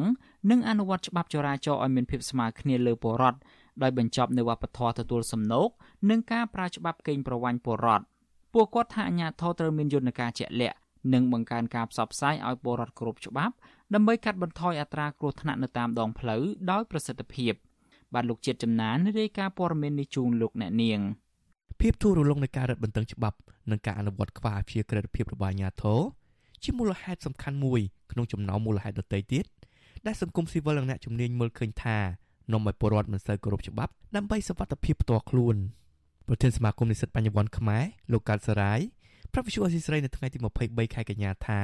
រដ្ឋាភិបាលគួរតែលុបបំបាត់អំពើពុករលួយក្នុងជួរមន្ត្រីប៉ូលីសចរាចរណ៍ដែលតែងតែទទួលសំណូកនិងប្រើច្បាប់គៀបសង្កត់លើជនគ្មានកំហុសដែលនាំឲ្យពលរដ្ឋលែងគោរពច្បាប់និងតែងតែយកលុយមកដោះស្រាយនៅពេលដែលមានបញ្ហារហូតក្លាយជាទម្លាប់ជាមួយគ្នានេះលោកថារដ្ឋាភិបាល គួរមានយន្តការបង្កើតការផ្សព្វផ្សាយច្បាប់ចរាចរណ៍តាមដងផ្លូវឲ្យច្រើនជាងការផ្សព្វផ្សាយគ្រឿងសង្វឹងនិងរឹតបន្តឹងលើជនល្មើសដែលបង្កគ្រោះថ្នាក់លើដងផ្លូវ ដើម្បីឲ្យពលរដ្ឋចូលរួមគ្រប់ច្បាប់អំពើពុករលួយវាជាប្រភពនៃការធ្វើឲ្យមនុស្សមានអារម្មណ៍ថាមានលុយគឺអាចដោះស្រាយអ្វីបានបើមានលុយគឺអាចកែច្បាប់បានអាហ្នឹងហើយដែលធ្វើឲ្យប្រសិទ្ធភាពនៃការអនុវត្តវាអត់មានប្រសិទ្ធភាពហើយអត់មានតម្លាភាពដើម្បីឲ្យវាមានយើងគាត់តែផ្លាស់ប្ដូរមកគឺរៀបចំការអនុវត្តច្បាប់មិនថាអ្នកមានអ្នកក្រទេប្រព្រឹត្តបទល្មើសនៅលើដងផ្លូវគឺត្រូវតែអនុវត្តច្បាប់យ៉ាងតឹងតែងយ៉ាងតឹងរឹងជាមួយទោះបើសិនជាក្នុងលក្ខខណ្ឌធូរស្រាលអាចអនុគ្រោះដោយការយកទៅអប់រំយកទៅទូមានបើក្នុងលក្ខខណ្ឌដែលវាធ្ងន់ធ្ងររហូតដល់បុកស្លាប់អីជាដើមអាហ្នឹងគឺត្រូវអនុវត្តអនុលោមទៅតាមច្បាប់ការលើកឡើងនេះបន្ទាប់ពីអគ្គស្នងការដ្ឋាននគរបាលជាតិកាលពីថ្ងៃទី14ខែកញ្ញាបានប្រកាសឲ្យមន្ត្រីនគរបាលចរាចរណ៍រឹតបន្តឹងការអនុវត្តច្បាប់ចរាចរណ៍និងធ្វើការចាប់ផាកពិន័យទៅដល់អ្នកប្រើប្រាស់ផ្លូវដែលបើកបរល្មើសច្បាប់ចរាចរណ៍ផ្លូវគោកមាត្រា6ថ្មីនៃច្បាប់ស្តីពីចរាចរណ៍ផ្លូវគោកកំណត់តម្លៃផាកពិន័យចំពោះអ្នកបើកបរតូចចក្រយានយន្តចាប់ពីតូចចក្រយានយន្តសណ្ដោងឬមកនិងត្រីចក្រយានយន្តមិនពាក់មួកសុវត្ថិភាពឬពាក់មិនត្រឹមត្រូវស្តង់ដារ បើកបរលើសល្បឿនកំណត់ដឹកអ្នកដំណើរលើចំណុះបើកបរមិនគោរពច្បាប់ចរាចរណ៍និងបើកបរដោយគ្មានកញ្ចក់មើលក្រោយត្រូវពិន័យ60000រៀលចំពោះអ្នកបើកបរប្រើទូរស័ព្ទត្រូវពិន័យ80000រៀលចំពោះអ្នកបើកបរគ្មានបានបើកបរឬផុតកំណត់គ្មានបានសម្គាល់ឬផ្លាកលេខរលុបខូចខាតឬគ្មានផ្លាកលេខត្រូវពិន័យ120,000រៀលចំពោះអ្នកបើកបរប្រណាំងគ្នានៅលើផ្លូវសាធារណៈត្រូវពិន័យ150,000រៀលចំណែកអ្នកបើកបរទាំងស្រវឹង ដែលមានជាតិអាល់កុលចាប់ពី0.25ទៅ0.36មីលីក្រាមក្នុង1លីត្រខ្យល់ត្រូវពិន័យ25,000រៀលតកតទៅនឹងរឿងនេះអ្នកជំនាញផ្នែកកម្មវិធីសុវត្ថិភាពចរាចរណ៍លោកគង់រតនាយល់ឃើញថាដើម្បីឲ្យការអនុវត្តច្បាប់ចរាចរណ៍កាន់តែមានប្រសិទ្ធភាពលុះត្រាតែអាជ្ញាធរពាក់ព័ន្ធត្រូវពង្រឹងការអនុវត្តច្បាប់ដោយលុបបំបាត់ការទទួលសំណូកពីជនប្រព្រឹត្តខុសនិងបង្កើនការផ្សព្វផ្សាយអប់រំសុវត្ថិភាពចរាចរណ៍ ទៅកាន់ពលរដ្ឋលោកបន្តថាពលរដ្ឋគួរចូលរួមគោរពច្បាប់និងឲ្យតម្លៃទៅលើអាយុជីវិតអ្នកដទៃដែលមិនត្រូវគោរពច្បាប់នៅពេលដែលអាជ្ញាធរចុះទៅរឹតបន្តឹងម្ដងម្កាលនោះឡើយយើង សំណុំពរឲ្យខាងសមត្ថកិច្ចហ្នឹងគាត់រក្សាវិន័យឲ្យល្អហើយគ្រប់ទៅតាមបទបញ្ញត្តិច្បាប់ទៅបើសិនជាថាយើងត្រូវតែអនុវត្តច្បាប់ប៉ុន្តែលក្ខខណ្ឌមួយចំនួនក៏យើងគួរតែគេហៅមានការយោគយល់ឬក៏ការអនុវត្តច្បាប់ហ្នឹងត្រូវឈរទៅលើស្មារតីថាដើម្បីឲ្យពួកគាត់មានសុខភាពវាមិនមែនជាការមកជំរិតដើម្បីធ្វើឲ្យមានផលវិបាកជាមួយនឹងប្រជាពលរដ្ឋនោះទេបាទអគ្គស្នងការដ្ឋាននគរបាលជាតិបញ្ចេញរបាយការណ៍បញ្ជាក់ថាក្នុងឆមាសទី1ឆ្នាំ2023 គ្រោះថ្នាក់ចរាចរណ៍ទូទាំងប្រទេសកើនឡើងសរុបជាង1500ករណីក្នុងនោះគ្រោះថ្នាក់ចរាចរណ៍នៅពេលយប់មាន54%ដែលបណ្ដាលឲ្យមនុស្សស្លាប់ជាង700នាក់និងរបួសជាង2000នាក់ទោះបីជាតួលេខនេះថយចុះ9%បើធៀបនឹងរយៈពេលដូចគ្នាក្នុងឆ្នាំ2022តែវាស្ថិតក្នុងអត្រាមួយខ្ពស់គួរឲ្យបារម្ភគណៈករណីគ្រោះថ្នាក់កើតមានឡើងក្នុងរូបភាពកាន់តែសាហាវជាងមុនមន្ត្រីសង្គមស៊ីវិលថារដ្ឋាភិបាលគួរតែមានការទទួលខុសត្រូវខ្ពស់ក្នុងការពង្រឹងការអនុវត្តច្បាប់ឲ្យបានស្មើភាព លុបបំបាត់អំពើពុករលួយដែលឲ្យជនបង្ករួចខ្លួនបន្ទាប់ពីផ្ដាល់សំណងនិងរកវិធីកាត់បន្ថយគ្រោះថ្នាក់ចរាចរណ៍បើពុំដូចនោះទេពលរដ្ឋខ្មែរនឹងបន្តបាត់បង់ជីវិតនៅលើដងផ្លូវកាន់តែច្រើនថែមទៀតខ្ញុំបាទជាជំនាញ Visual Assisray ប្រធានាទី Washington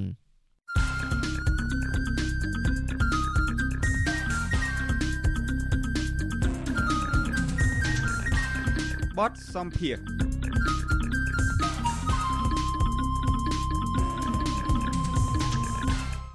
លោកអ្នកនាងកំពុងស្ដាប់ការផ្សាយរបស់ Vuthu Azizi Serai ពីរដ្ឋធានី Washington នៃសហរដ្ឋអាមេរិកតាក់ទងទៅនឹងការចូលរួមមហាសន្និបាតអង្គការសហប្រជាជាតិលើកទី78លោកនាយរដ្ឋមន្ត្រីហ៊ុនម៉ាណែតបានថ្លែងសារតាក់ទងទៅនឹងស្ថានភាពនៅក្នុងប្រទេសដោយផ្ដោតទៅលើចំណុចសំខាន់ចំនួន4ដែលរួមមានភាពជោគជ័យប្រយុទ្ធប្រឆាំងនឹងជំងឺ Covid-19 លទ្ធិប្រជាធិបតេយ្យកម្ពុជាមានការរីកចម្រើនទៅមុខការអះអាងមិនអោយបរទេសយកទឹកដីកម្ពុជាប្រឆាំងនឹងបរទេសណាមួយ និងការបដិញ្ញាចិត្តអនុវត្តគោលនយោបាយនានាដែលស្របទៅនឹងគោលដៅអភិវឌ្ឍប្រកបដោយចីរភាពរបស់អង្គការសហប្រជាជាតិផងដែរតើការអះអាងទាំងនេះរបស់លោកហ៊ុនម៉ាណែតឆ្លុះបញ្ចាំងការពិតដល់កម្រិតណាដែរបាទសូមលោកអ្នកនាងស្ដាប់បទសម្ភាសន៍រវាងអ្នកស្រីសុជីវី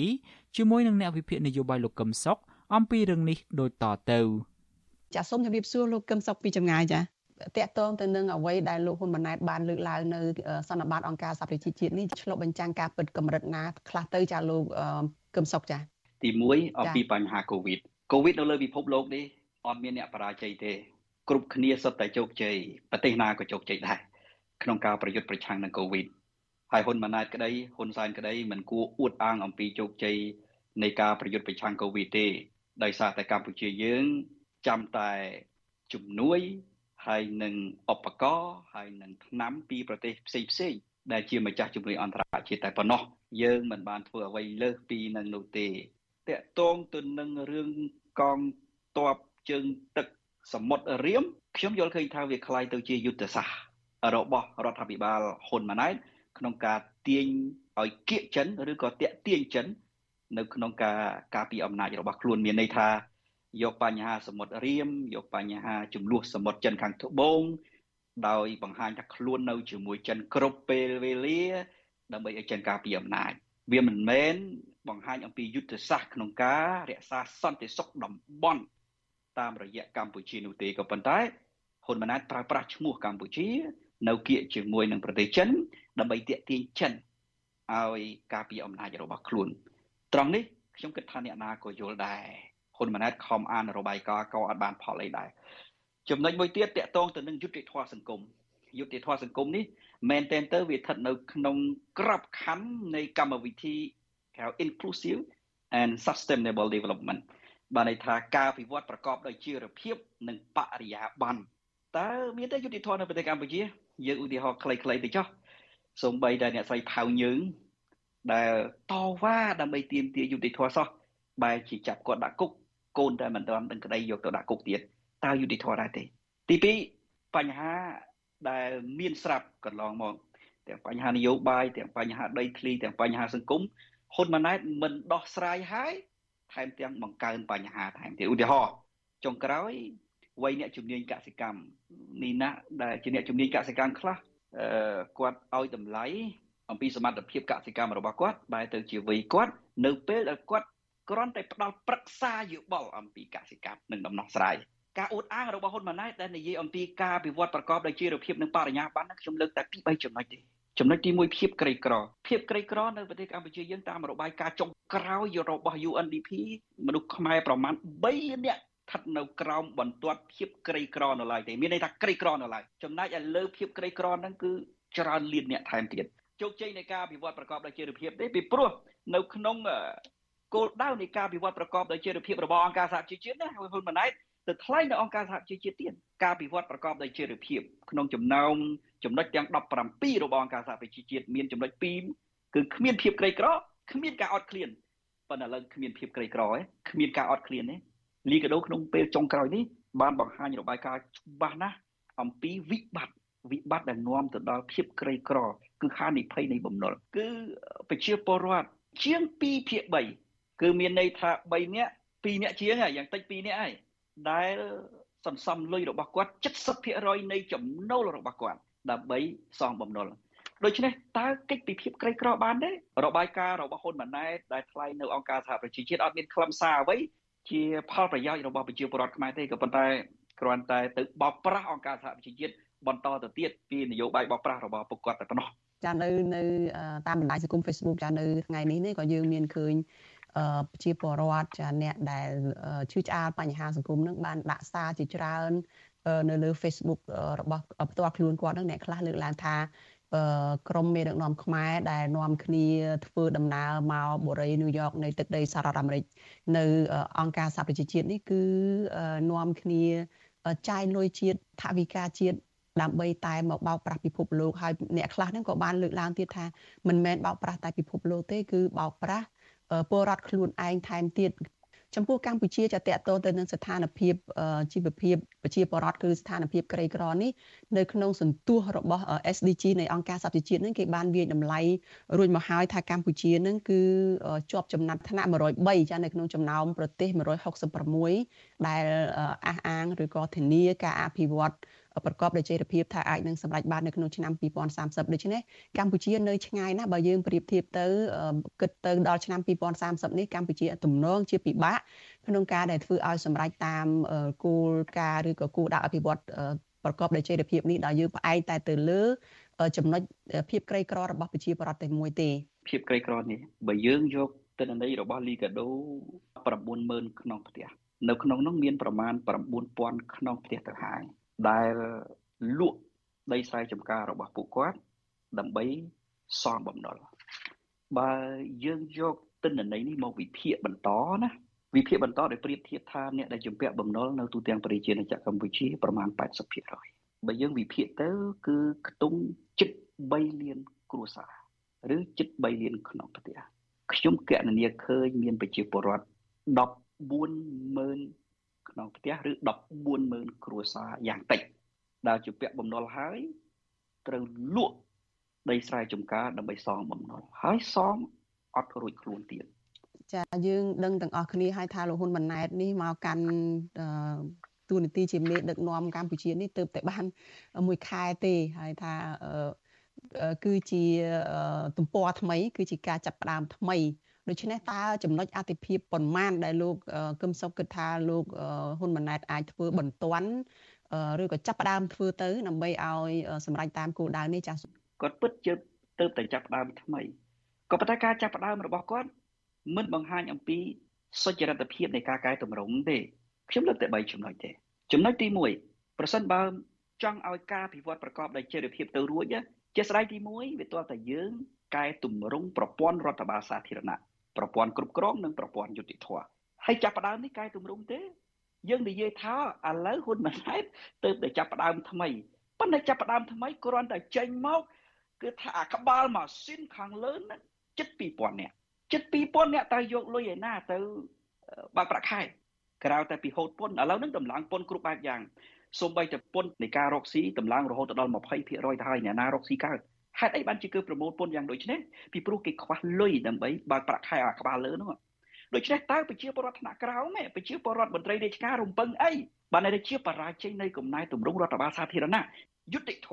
យុតិធធក៏អត់បានបង្ហាញទេវាយថែមចាប់ថែមគុំរៀមថែមចំណុចទី2យើងនិយាយអំពីការកែទម្រង់លើប្រព័ន្ធសង្គមតើការចាប់ផ្ដើមកំណែទម្រង់លើប្រព័ន្ធសង្គមអាចទៅរួចទេទៅអត់រួចទេពីព្រោះគ្រឿងញៀន ពីមួយចំនួនទៅមួយចំនួនពីមួយឆ្នាំទៅមួយឆ្នាំកាន់តែកើនមិនមែនជាការដោះស្រាយបញ្ហាទេហើយបើយើងមើលរបាយការណ៍របស់អង្គការសហប្រជាជាតិក្មេងជំទង់ណា80%ពាក់ព័ន្ធទៅនឹងគ្រឿងស្រវឹង50%ជិត50%ពាក់ព័ន្ធទៅនឹងគ្រឿងញៀនទៅហើយកំណែទម្រង់លើវិស័យសេដ្ឋកិច្ចពាណិជ្ជកម្មនៅក្នុងការវិវត្តប្រកបដោយចីរភាពគេនិយាយច្បាស់ណាស់ការងារនិងសេដ្ឋកិច្ចល្អ ឥឡូវការងារយ៉ាងម៉េចការងារតាមរបាយការណ៍របស់ ILO គឺតែជាង60%ទេដែលមានការងារនៅប្រទេសកម្ពុជាប៉ុន្តែរបាយការណ៍របស់ហ៊ុនម៉ាណែតរបាយការណ៍របស់ក្រសួងការងាររបស់ហ៊ុនម៉ាណែតថាមិនដល់1%ទេដែលគ្មានការងារអ្នកមានការងារជាង99%តើទទួលយកបានទេនៅពេលដែលប្រជាពលរដ្ឋអត់អាហារប្រជាពលរដ្ឋក្រីក្រប្រជាពលរដ្ឋអត់ម៉ួយ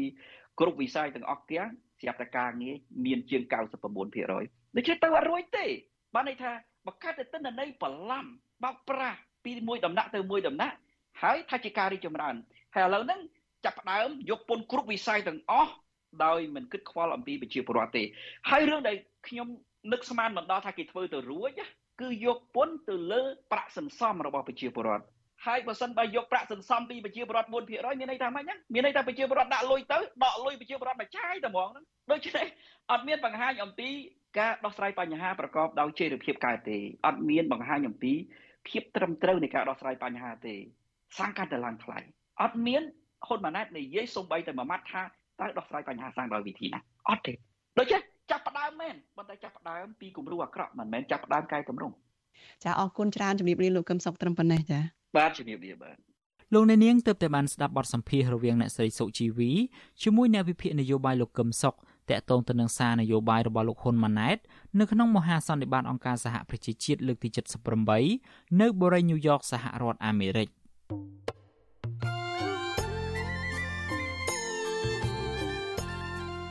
លោកអ្នកនាងជាទីមេត្រី នៅក្នុងឱកាសនេះដែរខ្ញុំបាទសូមថ្លែងអំណរគុណដល់លោកអ្នកនាងកញ្ញាទាំងអស់ដែលតែងតែមានភក្ដីភាពចំពោះការផ្សាយរបស់យើងហើយចាត់ទុកការស្ដាប់វិទ្យុអាស៊ីសេរី គឺជាផ្នែកមួយនៃសកម្មភាពប្រចាំថ្ងៃរបស់លោកអ្នកនាងគឺការគ្រប់គ្រងរបស់លោកអ្នកនាងនេះហើយដែលធ្វើឲ្យយើងខ្ញុំមានទឹកចិត្តកាន់តែខ្លាំងក្លាថែមទៀតនៅក្នុងការស្វែងរកនិងផ្តល់ព័ត៌មានជូនលោកអ្នកនាង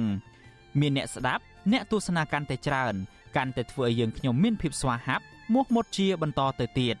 យើងខ្ញុំសូមអរគុណទុកជាមុនហើយសូមអញ្ជើញលោកអ្នកនាងកញ្ញាទាំងអស់ចូលរួមជំរុញឲ្យសកម្មភាពផ្តល់ព័ត៌មានយើងនេះកាន់តែជោគជ័យបន្ថែមទៀត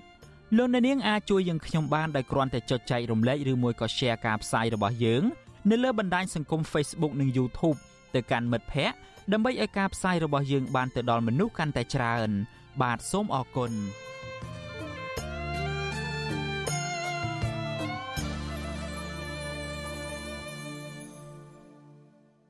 បាទលោកអ្នកនាងជាទីមេត្រីពាក់ព័ន្ធទៅនឹងរឿងប្រព័ន្ធផ្សព្វផ្សាយឯនេះវិញអង្គការសង្គមស៊ីវិលលើកឡើងថា ការសហការរវាងក្រសួងព័ត៌មានកម្ពុជាជាមួយប្រទេសវៀតណាមដើម្បីប្រឆាំងនឹងព័ត៌មានคล้ายៗនោះมันអាចធ្វើឲ្យស្ថានភាពប្រព័ន្ធផ្សព្វផ្សាយនិងសារព័ត៌មាននៅកម្ពុជាមានភាពល្អប្រសើរឡើងឡើយផ្ទុយទៅវិញពួកគាត់ស្នើដល់អាជ្ញាធររដ្ឋាភិបាលនិងក្រសួងពាក់ព័ន្ធលើកកម្ពស់សេរីភាពសារព័ត៌មានដើម្បីបើកលំហឲ្យមានព័ត៌មានពិតនិងវិជ្ជាជីវៈនៅកម្ពុជាដើម្បីបានផ្សព្វផ្សាយទៅកាន់ប្រជាពលរដ្ឋកាន់តែទូលាយជាងមុន បាទសំលោកនៅនឹងស្ដាប់សេចក្តីរាយការណ៍ព័ត៌មាននេះរបស់អ្នកស្រីម៉ៅសុធីនីដូចតទៅ ផ្ទុយពីការអនុវត្តតាមការស្នើសុំរបស់ប្រទេសប្រជាធិបតេយ្យឲ្យបើកលំហសេរីភាពសារព័ត៌មានរដ្ឋាភិបាលកម្ពុជាដែលមានក្រសួងព័ត៌មានជាសេនាធិការនោះបែរជាងាកទៅធ្វើកិច្ចសហប្រតិបត្តិការផ្នែកព័ត៌មាននិងការផ្សព្វផ្សាយជាមួយរដ្ឋាភិបាលវៀតណាមក្នុងគោលបំណងប្រឆាំងព័ត៌មានคล้ายៗខណៈសង្គមស៊ីវិលថាទង្វើនេះมันបានបង្ហាញឆន្ទៈដែលចង់ឲ្យស្ថានភាពសារព័ត៌មាននៅកម្ពុជា ្ពុជាមានភាពល្អប្រសើរនោះឡើយនាយកផ្នែកប្រព័ន្ធផ្សព្វផ្សាយនៃមជ្ឈមណ្ឌលកម្ពុជាដើម្បីប្រព័ន្ធផ្សព្វផ្សាយឯករាជ្យលោកអ៊ិតសូធឿតប្រាប់វិទ្យុស៊ីស្រី នៅថ្ងៃទី22ខែកញ្ញាថាការផ្សព្វផ្សាយព័ត៌មានពិតកាន់តែច្រើននិងឆាប់រហ័សទៅដល់ប្រជាពលរដ្ឋហើយនឹងមានការសហការពីភាគីរដ្ឋាភិបាល ដោយឆ្លើយតបជាមួយអ្នកសារព័ត៌មានមកពីគ្រប់ស្ថាប័ននោះ គឺជាយន្តការមួយជួយទប់ស្កាត់ព័ត៌មានคล้ายៗ ជាមួយគ្នានេះលោកសង្ឃឹមដែរថារដ្ឋាភិបាលនឹងមិនយកហេតុផលនៃការប្រឆាំងព័ត៌មានคล้ายៗមកគៀបសង្កត់ឬក៏មកប្រឆាំងសារព័ត៌មានឯករាជ្យវិញនោះឡើយ។ ក៏ប៉ុន្តែប្រសិនបើព័ត៌មានទាំងអស់នោះមានជាលក្ខណៈរិះគន់ឬក៏ប៉ះពាល់ទៅរដ្ឋាភិបាលអញ្ចឹងរដ្ឋាភិបាលគួរតែទទួលយកស្ដាប់បញ្ហាទាំងអស់ហ្នឹងហើយយកទៅពិនិត្យមើលតើតើបញ្ហាទាំងអស់ហ្នឹងពិតជាកើតមានឬយ៉ាងណាជៀសវាងការចោទប្រកាន់ថាព័ត៌មានទាំងអស់ហ្នឹងគឺជាព័ត៌មានคล้ายៗហើយបដិសេធភ្លាមៗការលើកឡើងនេះបន្ទាប់ពីជំនួបទ្វេភាគីរវាងរដ្ឋមន្ត្រីក្រសួងព័ត៌មានកម្ពុជា លោកណេតភក្ត្រានិងរដ្ឋមន្ត្រីក្រសួងព័ត៌មាននិងគមនាគមន៍វៀតណាម លោកវៀនម៉ាន់ថុងនៅថ្ងៃទី21ខែកញ្ញាបានបដិញ្ញារួមគ្នាធ្វើកិច្ចសហប្រតិបត្តិការផ្នែកព័ត៌មាននិងការផ្សព្វផ្សាយនិងការប្រឆាំងព័ត៌មានคล้ายៗដើម្បីរួមគ្នាពង្រឹងគុណភាពនៃសារព័ត៌មាននៅក្នុងតំបន់អាស៊ាននិងផ្ដល់ព័ត៌មានពិតប្រាកដទៅដោយគុណភាពព្រមទាំងលុបបំបាត់នៅព័ត៌មានคล้ายៗ ក្នុងឱកាសនោះលោកនេតភត្រាក៏បានលើកឡើងថាក្នុងបរិបទនៃសង្គម Digital នានាការនៃការទទួលបានព័ត៌មានរបស់ប្រជាប្រដ្ឋបច្ចុប្បន្នតាមរយៈប្រព័ន្ធផ្សព្វផ្សាយទំនើបរួមមាន Facebook និង TikTok ព្រមទាំងខ្លឹមសារសម្បូរបែបនិងមានល្បឿនលឿនបានធ្វើឲ្យមានបញ្ហានៃការបំពុលព័ត៌មាន តាមរយៈការបង្កើតព័ត៌មានคล้ายៗដែលមានចេតនាទុច្ចរិតដែលធ្វើឲ្យប៉ះពាល់ដល់សង្គមហើយពេលខ្លះ ក៏បង្កើតជាបញ្ហាចលាចលនិងបំផ្លាញកិត្តិយសបុគ្គលឬធ្វើឲ្យមានការភ័ន្តច្រឡំនិងបាត់បង់ជំនឿទុកចិត្តជាដើមទន្ទឹមគ្នានេះរដ្ឋមន្ត្រីក្រសួងព័ត៌មានកម្ពុជា និងរដ្ឋមន្ត្រីក្រសួងព័ត៌មានវៀតណាមក៏បានចុះហត្ថលេខាលើអនុសារណៈយោគយល់គ្នា ស្ដីពីកិច្ចសហប្រតិបត្តិការលើវិស័យព័ត៌មាន ដោយពង្រឹងកិច្ចសហប្រតិបត្តិការលើវិស័យសារព័ត៌មាន និងការផ្សព្វផ្សាយ ទោះយ៉ាងណាសង្គមស៊ីវិលយល់ឃើញថាវៀតណាម គឺជាប្រទេសកុម្មុយនីសដែលរដ្ឋបិទសេរីភាពសារព័ត៌មានឯករាជ្យមិនចាញ់រដ្ឋាភិបាលកម្ពុជាប៉ុន្មានឡើយ។ ប្រធានអង្គការសម្ព័ន្ធភាពការពារសិទ្ធិមនុស្សកម្ពុជាហៅកាត់ថាឆ្រាក់លោករស់សូថាបារម្ភថាក្រសួងព័ត៌មានកម្ពុជា និងក្រសួងព័ត៌មានវៀតណាមប្រើប្រាស់កិច្ចសហការដើម្បីរួមគ្នាទប់ស្កាត់សម្លេងឯករាជ្យដែលតែងតែផ្សាយរិះគន់ពីការរំលោភសិទ្ធិមនុស្សនិងការបំផ្លាញលទ្ធិប្រជាធិបតេយ្យរបស់រដ្ឋាភិបាលជាជាងការប្រឆាំងព័ត៌មានคล้ายៗដោយក្រសួងទាំងពីរនេះបានអះអាង វៀតណាមខ្លាចខ្លាចឲ្យប្រជាជនកម្ពុជាក្រោមនឹងគឺទទួលព័ត៌មានពាក់ព័ន្ធនឹងសិទ្ធិមនុស្សប្រជាធិបតេយ្យអីនឹងចលនាឬកម្ពុជាសិទ្ធិជនជាតិដើមភាគតិចអីជាដើមអីហ្នឹងគឺអាចបញ្ហាពាក់ព័ន្ធរឿងអស់ហ្នឹងតាមខ្ញុំបារម្ភវាមិនមែនជារឿងផលប្រយោជន៍បារម្ភរឿងព័ត៌មានបំពិតអីទេអាចថាជារឿងហ្នឹងក្នុងការធ្វើឲ្យកម្លាំងចលនាទាមទារសិទ្ធិជនជាតិដើមភាគតិចកាន់តែរួមតូចចុះខ្សោយអីអាហ្នឹងវាបារម្ភតែអញ្ចឹងវិញណា កាលពីខែសីហាប្រទេសវៀតណាមបានប្រើបច្ចេកវិទ្យាទំនើបរាំងខ្ទប់ការផ្សាយរបស់វិទ្យុអស៊ីសេរីជាភាសាខ្មែរលើវិទ្យុរលក ធាតុអាកាសខ្លីឬ short wave ដែលมันអាចឲ្យបរដ្ឋកម្ពុជាស្ដាប់ការផ្សាយរបស់វិទ្យុអស៊ីសេរី តាមរលកធាតុអាកាសខ្លីបានឡើយ។ របាយការណ៍សន្ទុះប្រចាំឆ្នាំ ដែលរៀបចំដោយអង្គការឃ្លាំមើលប្រព័ន្ធផ្សព្វផ្សាយអ្នកសារព័ត៌មានគ្មានព្រំដែនបង្ហាញថាវៀតណាមធ្លាក់ចំណាត់ថ្នាក់សេរីភាពសារព័ត៌មានពី174មក178ក្នុងចំណោម180ប្រទេសខណៈកម្ពុជាធ្លាក់ពី142មក147វិញ ដែលជាចំណាត់ថ្នាក់ទាបមួយ សង្គមស៊ីវិលថារដ្ឋាភិបាលកម្ពុជា គួរងាកទៅធ្វើកិច្ចសហប្រតិបត្តិការសារព័ត៌មាន និងប្រព័ន្ធផ្សព្វផ្សាយជាមួយប្រទេស ដែលមានចំណាត់ថ្នាក់ខ្ពស់ជាងនេះមិនមែនសហការជាមួយប្រទេសដែលមានពិន្ទុស្ទើរតែបាត់តារាងបែបនេះឡើយចានាងខ្ញុំម៉ៅសុធានីវិទ្យុអាស៊ីស្រី ប្រធានាធិបតី Washington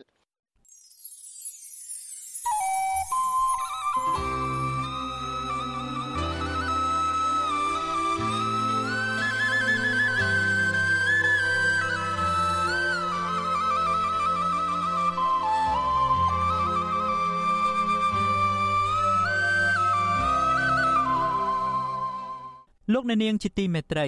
ការផ្សាយរយៈពេល1ម៉ោងរបស់វិទ្យុអាស៊ីសេរីនៅព្រឹកនេះចប់ត្រឹមតែប៉ុណ្ណេះយើងខ្ញុំសូមជូនពរដល់លោកអ្នកនាងព្រមទាំងក្រុមគ្រួសារទាំងអស់ឲ្យជួបប្រកបតែនឹងសេចក្តីសុខចម្រើនរុងរឿងកុំបីឃ្លៀងឃ្លាតឡើយខ្ញុំបាទយ៉ងច័ន្ទដារាព្រមទាំងក្រុមការងារទាំងអស់នៃ Vithu Azizi Serai សូមអរគុណនិងសូមជម្រាបលា